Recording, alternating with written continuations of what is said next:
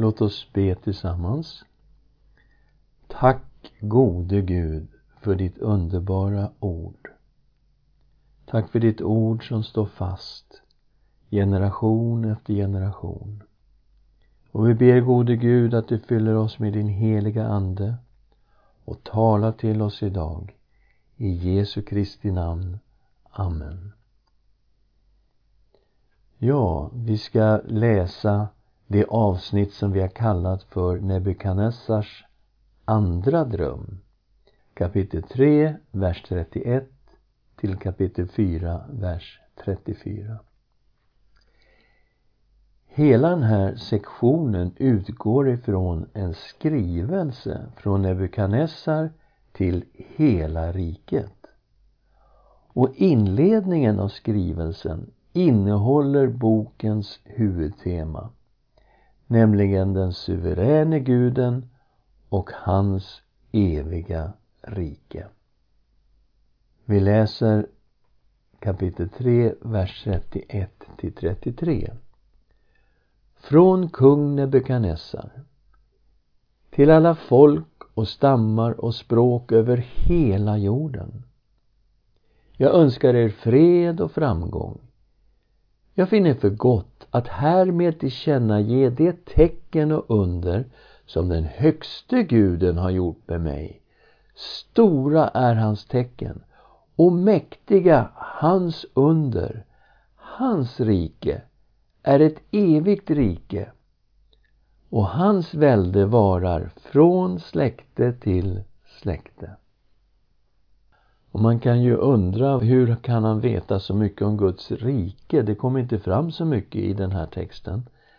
Men han fick ju den här drömmen i kapitel 2 och Daniel var den som kunde uttyda drömmen för Nebukadnessar. Vi läser om Guds eviga rike i kapitel 2, vers 44.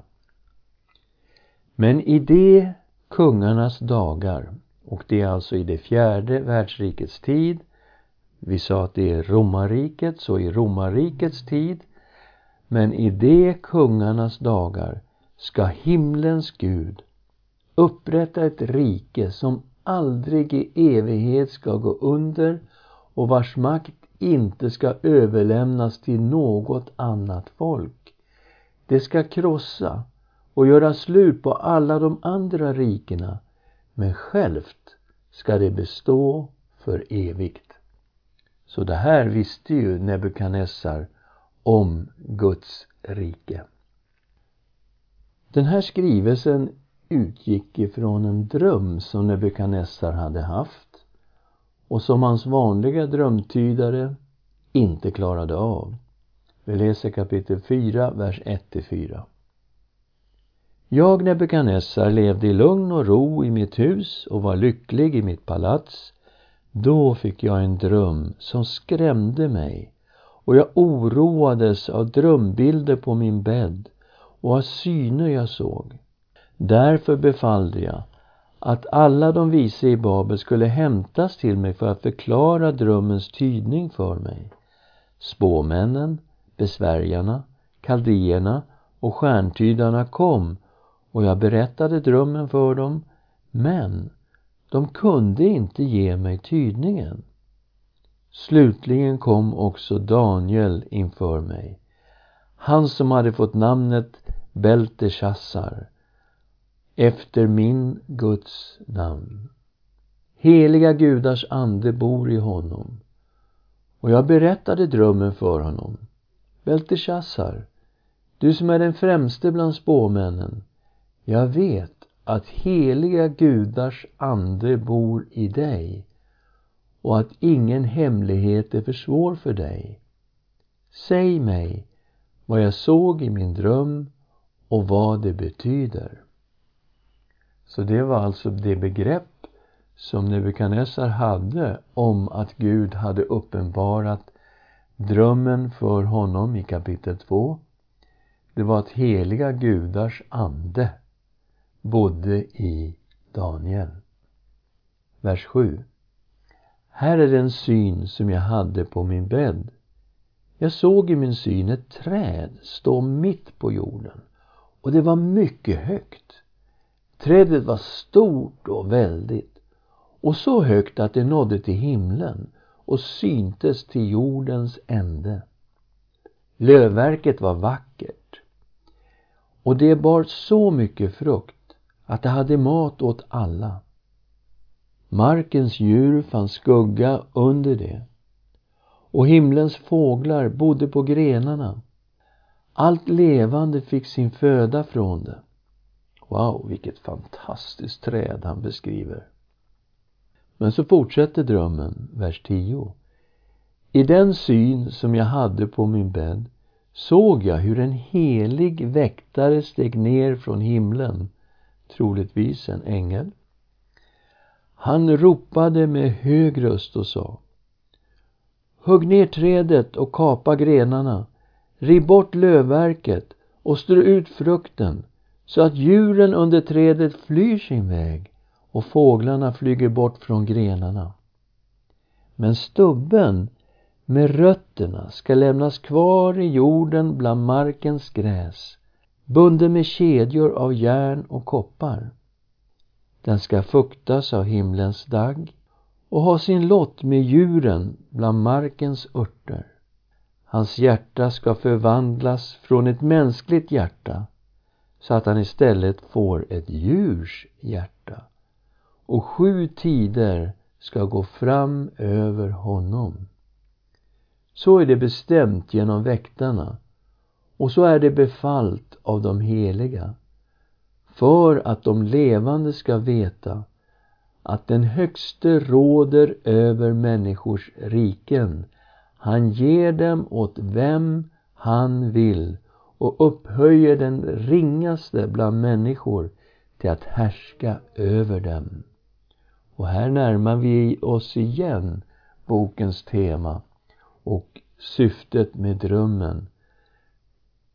Och så säger då Nebukadnessar till Daniel det var drömmen som jag, kung Nebukadnessar, hade. Nu får du, Belteshazzar, tyda den.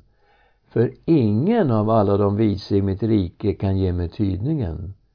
Men du kan det, för heliga gudars ande bor i dig. Och Daniel, när han hörde den här, han blev bestört. Han fick väldigt oroliga tankar. Och kungen måste faktiskt uppmuntra honom lite och sa Belteshazzar, låt inte drömmen och dess betydelse skrämma dig. Och då sa Belteshazzar, alltså Daniel, Min herre, o att drömmen hade gällt dina fiender och dess betydelse dina motståndare. Trädet som du såg som var stort och väldigt och så högt att det nådde till himlen och syntes över hela jorden med så vackert lövverk och så mycket frukt att det hade föda åt alla. Trädet som markens djur bodde under och på vars grenar himlens fåglar hade sina nästen. Det är du själv, o konung. Du har blivit stor och väldig. Din storhet har vuxit och når upp till himlen och ditt välde sträcker sig till jordens ände. Men kungen såg en helig väktare stiga ner från himlen och säga Hugg ner trädet och förstör det. Men stubben ska lämnas kvar med rötterna i jorden, bunden med kedjor av järn och koppar bland markens gräs. Den ska fuktas av himlens dagg och ha sin lott bland markens djur tills sju tider har gått fram över honom. Och så kommer uttydningen. Det betyder, o konung, att det är den högstes beslut som har drabbat min herre kungen. Du ska bli utstött från människorna och bo bland markens djur och äta gräs som en oxe och fuktas av himlens dag. Sju tider ska gå fram över dig tills du har insett att den högste råder över människors riken och ger dem åt vem han vill. Och vi ser igen att bokens tema kommer in i det här. Att det är Gud som är den högste. Han har makten. Han kan ta riken och han kan ge riken åt människor. Det här med sju tider kan man undra över. Det kan vara sju månader. Det skulle kunna vara sju år. Vi vet ju också att talet sju är ett fullhetstal i Bibeln som inte nödvändigtvis måste tas bokstavligt utan kan syfta på en full tid. Men det kan vara månader, det kan vara år. Och så fortsätter Daniel uttydningen. Vers 23. Men att det befalldes att trädets stubbe med rötterna skulle lämnas kvar. Det betyder att du ska få tillbaka ditt rike när du har insett att det är himlen som har makten. Därför, o kung, låt mitt råd behaga dig.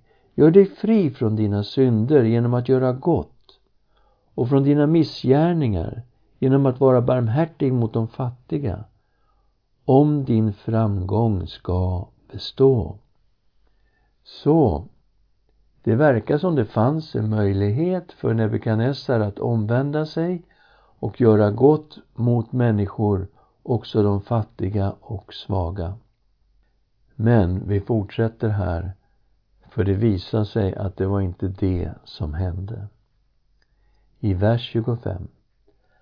Allt detta hände med kung Nebukadnessar tolv månader senare, alltså ett år efter detta gick kungen omkring på taket av det kungliga palatset i Babel och han tog till orda och sa Här är det stora Babel som jag har byggt upp till ett kungavälde med min starka makt till ära för mitt majestät.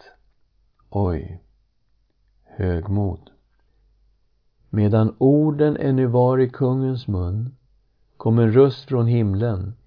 Till dig, kung Nebukadnessar, ska det sägas. Ditt rike har tagits ifrån dig. Du ska bli utstött från människorna och bo bland markens djur och äta gräs som en oxe. Så ska sju tider gå fram över dig tills du har insett att den högste råder över människors riken och ger dem åt vem han vill. Det här var syftet med hela drömmen. Att Nebukadnessar skulle förstå något om Gud den högste, den suveräne guden. Vers 30. I samma ögonblick gick ordet i uppfyllelse på Nebukadnessar han blev utstött från människorna och måste äta gräs som en oxe. Himlens dagg fuktade hans kropp tills hans hår växte och blev som örnfjädrar och hans naglar blev som fågelklor.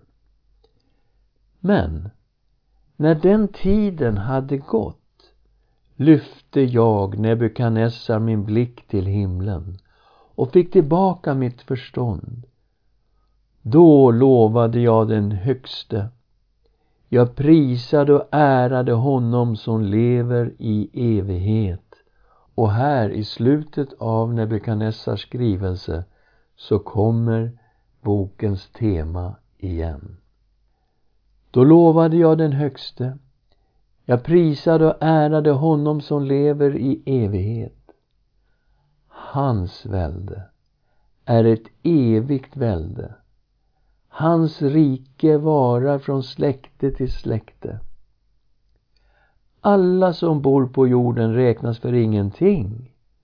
Han gör vad han vill med himlens här och det måste då inbegripa hela den andliga världen och i Nebukadnessars begreppsvärld också alla de lokala gudarna. Han gör vad han vill med himlens här och med dem som bor på jorden. Ingen kan stå emot hans hand eller säga till honom Vad är det du gör? Vid samma tid återfick jag mitt förstånd och jag fick tillbaka min härlighet och glans till ära för mitt rike. Mina rådsherrar och stormän sökte upp mig och jag blev på nytt insatt i mitt rike och fick ännu större makt. Nu prisar, upphöjer och ärar jag Nebukadnessar, himlens kung. För alla hans gärningar är sanning och hans vägar är rätta. Och han kan ödmjuka dem som vandrar i högmod. Och så slutade då Nebukadnessars skrivelse. Men vi ser här både i inledningen och i slutet av skrivelsen och under skrivelsen att det är bokens huvudtema som lyfts upp. Nämligen den suveräne guden och hans eviga rike. Ska vi be tillsammans. Herre, du är den som har kontrollen över allting. Du har all makt i himlen och på jorden. Det spelar ingen roll om man heter Nebukadnessar och är kung för ett imperium. Inför dig är det ingenting. Du är den suveräne guden och ditt rike är ett evigt rike. Och tack Herre att vi genom frälsningen, genom din nåd få vara medborgare i ditt rike. I Jesu Kristi namn. Amen.